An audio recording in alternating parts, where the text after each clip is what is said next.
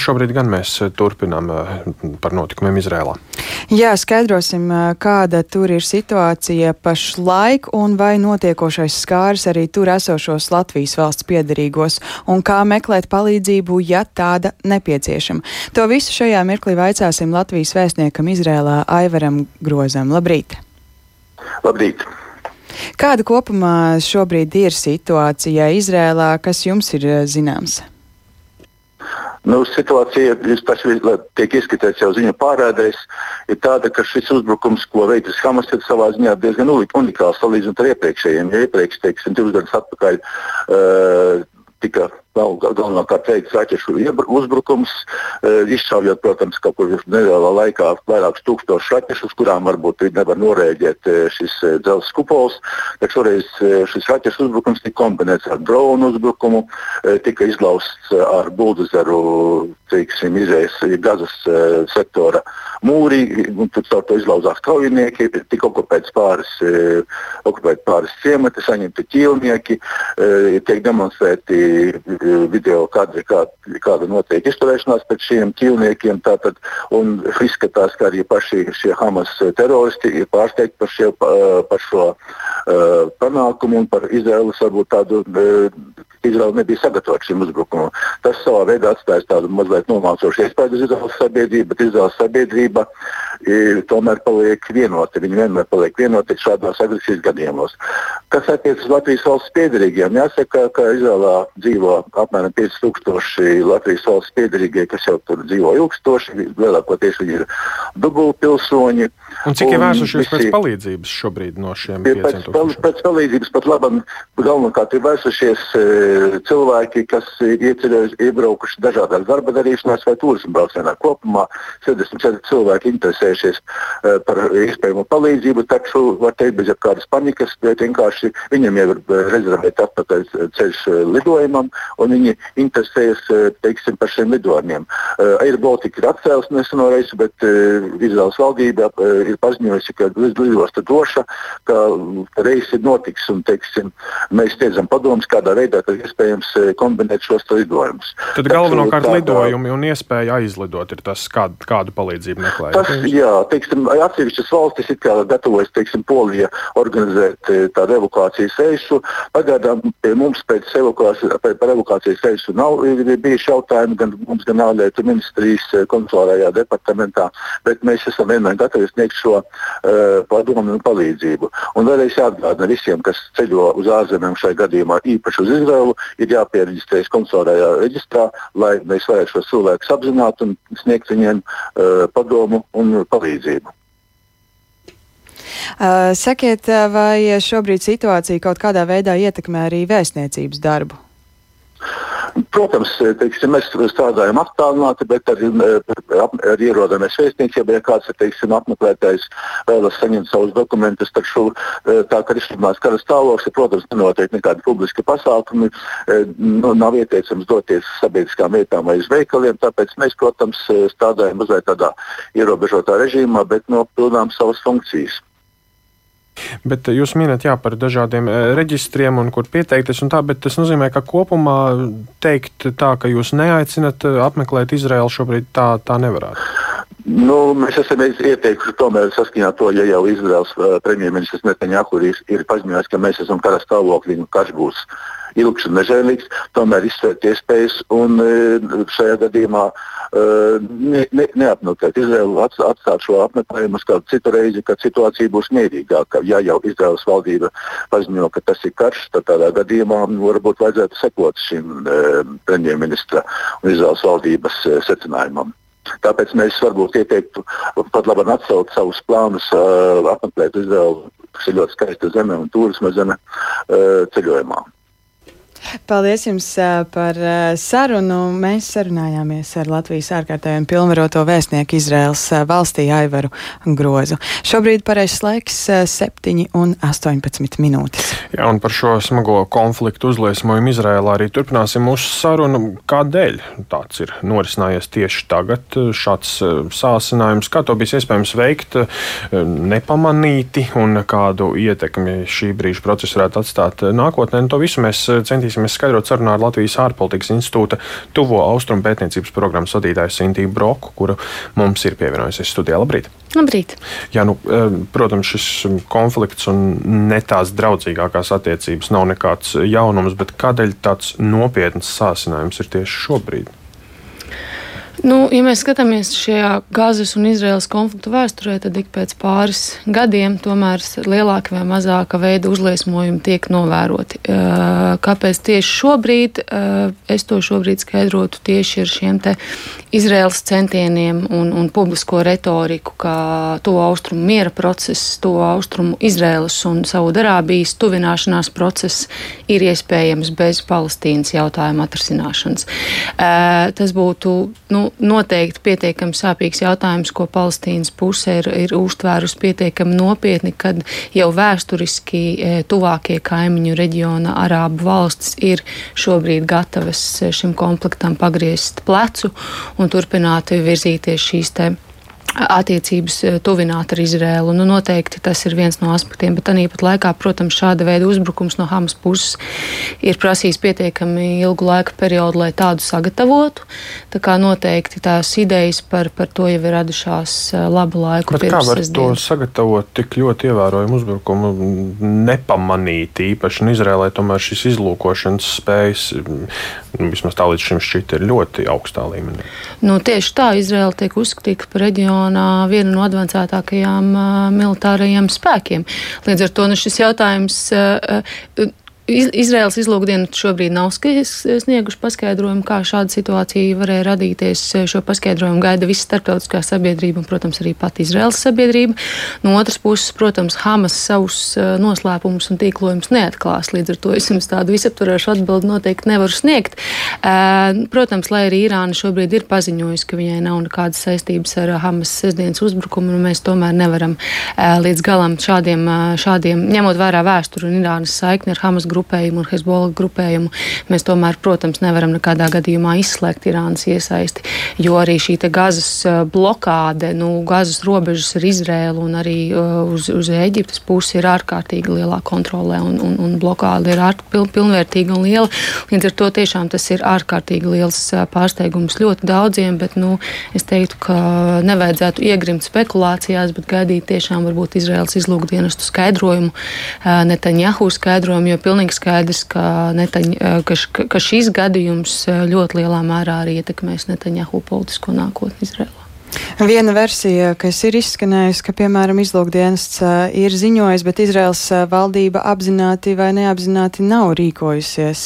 Cik reāli ir tāda varbūtība? Jā. Jā, tādu varbūtību es esmu dzirdējusi, un to, protams, nevar izslēgt. Un, uh, uh, redziet, ir ārkārtīgi grūti uh, kara stāvoklī, kurā, kurā, kurā, kurā uzbruk Izrēlai, tagad vērsties un analizēt un kritizēt pašas Izrēlas jā, gadu desmitiem ilgstošo uh, politiku attiecībā uz Palestīnas teritorijām un Palestīņiem, bet Palestīņiem, bet to tomēr ir, ir jāturprātā, ka šī politika ir bijusi pietiekami brutāla pēdējos vismaz 56 gadus. Uh, līdz ar to es arī neizslēgtu tādu varbūtību, kad ir bijis, uh, ir bijis mēģinājums izprovocēt uzbrukumu, lai būtu leģitīms pamatojums uh, šāda veida kara darbībai, kas tad attiecīgi um, papildinātu Izraels plānu o, pilnībā iznīcināt gazu, ja, un, un, un, un to starp arī lielu daļu Palestīnas, kas, ko, par ko Netanjahu savā retorikā nekad nav slēpis. Ja mēs paskatāmies arī pēdējās runas, tad šis narratīvs vienmēr tur ir bijis, ka, kad, kad, kad Palestīna un, un īpaši jau gazas teritorijas ir tās, kas ir jāsakoja pilnībā un jāiznīcina. Ja. Es tomēr šo, šo, šo argumentu vēl šobrīd klasificētu tādās mazliet uh, spekulācijās spekulāciju līmenī, ja kamēr mums nav šī oficiālā apstiprinājuma, bet tā pilnīgi līdz galam, atkal jau ņemot vērā uh, paša Netanjahu retoriku, uh, es neizslēgtu. Nu, un, jā, mēs arī dzirdējām nu, pats sarunā ar vēstnieku, ka nu, tas uzbrukums ir bijis plašs un kombinēts, daudz raķetes, droni. Arī jūs minējāt nu, par Irānu, kur it kā saka, ka nav iesaistīta. Mēs to nevaram, protams, zināt. Nu, ja ne Irāna, kurš vēl var būt iesaistīts un palīdzēt, nu, jo tur tur vajadzīgi milzīgi resursi un sagatavošanās. Mm -hmm. Kas ir tie varbūt nu, scenāriji, ko jūs tomēr iezīmējat, kas varētu būt palīgi? Uh, nu, kā mēs arī jau uh, vietnē X pēdējās dienas uh, redzam, ja, ka, ka, ka tiek publicēta materiāli par uh, mm, plaša uh, spektra atbalstu, sākot no Irānas Tāpat arī Asada režīms tiek piesaukts, un, protams, arī pati Krievija. Nu, visas šīs valstis, kas šobrīd rietumu sabiedrībām, rietumu politikai ir uh, kvalificētas kā nedraudzīgas, nedraudzīgi režīma, nedraudzīgas valstis, tās tiek piesauktas šī atbalsta sniegšanai arī Hamas. Bet jau atkal, protams, no vienas puses mums ir jāsaprot, ka šis atbalsts ir bijis, jo Hamas paši par sevi nevar noteikti pie šādā, pie, pie šāda veida tehnikas nokļūt. Noteikti ir bijis arī atbalsts izlūku, izlūku datos, ja, jo, kā jau minēju, šīs robežas tiek ārkārtīgi plaši apsargātas. Bet nu, tie pirmie, protams, šī saikne, Irānas saikne ar Krieviju un, protams, Irānas iesaista karā Ukrainā. Krievijas iesaista varbūt arī šobrīd šajā situācijā, bet visu pirms noteikti ir tā nu, jāsakategorizē, jāsakategorizē tad noteikti tā būtu Irāna. Asada, Asada režīmam arī šīs iespējas ir pietiekami ierobežotas tāpat kā arī Krievijai liel, lielākais resurss tomēr šobrīd atrodas Ukrainā. Ja? Bet pilnībā izslēgt eh, Sīrijas un Krievijas iesaisti sadarbībā ar, ar, ar Irānu, protams, mēs nevaram. Um, Palestīna uzbrukusi valstī, kas ir uh, viena nu, militāri spēcīgākajām valstīm uh, reģionā, un skaidrs, ka līdz ar to arī atbildes uh, trieciens un sekas būs nopietnas. Ko mēs varam sagaidīt, kā izvērtīsies šis konflikts tālāk? Mm -hmm. Viena atkāpe. Palestīna un Gaza tādā uh, politiskā pārvaldes līmenī tās ir divas dažādas lietas, ja, ko, ko, ko ārkārtīgi ār, uh, svarīgi ir izcelt. Uh, ja mēs runājam par Hamas, tad Hamas kontrolē Gazas teritoriju un ar Palestīnas pašpārvaldi, kas pārvalda rietumu krastu.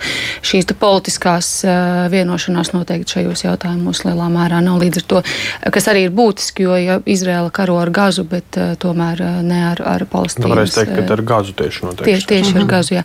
Uh, kas arī ir Hamas, tātad šis te teroriskā grupa grupējuma mm, kvalifikācijā ir, ir, ir taps.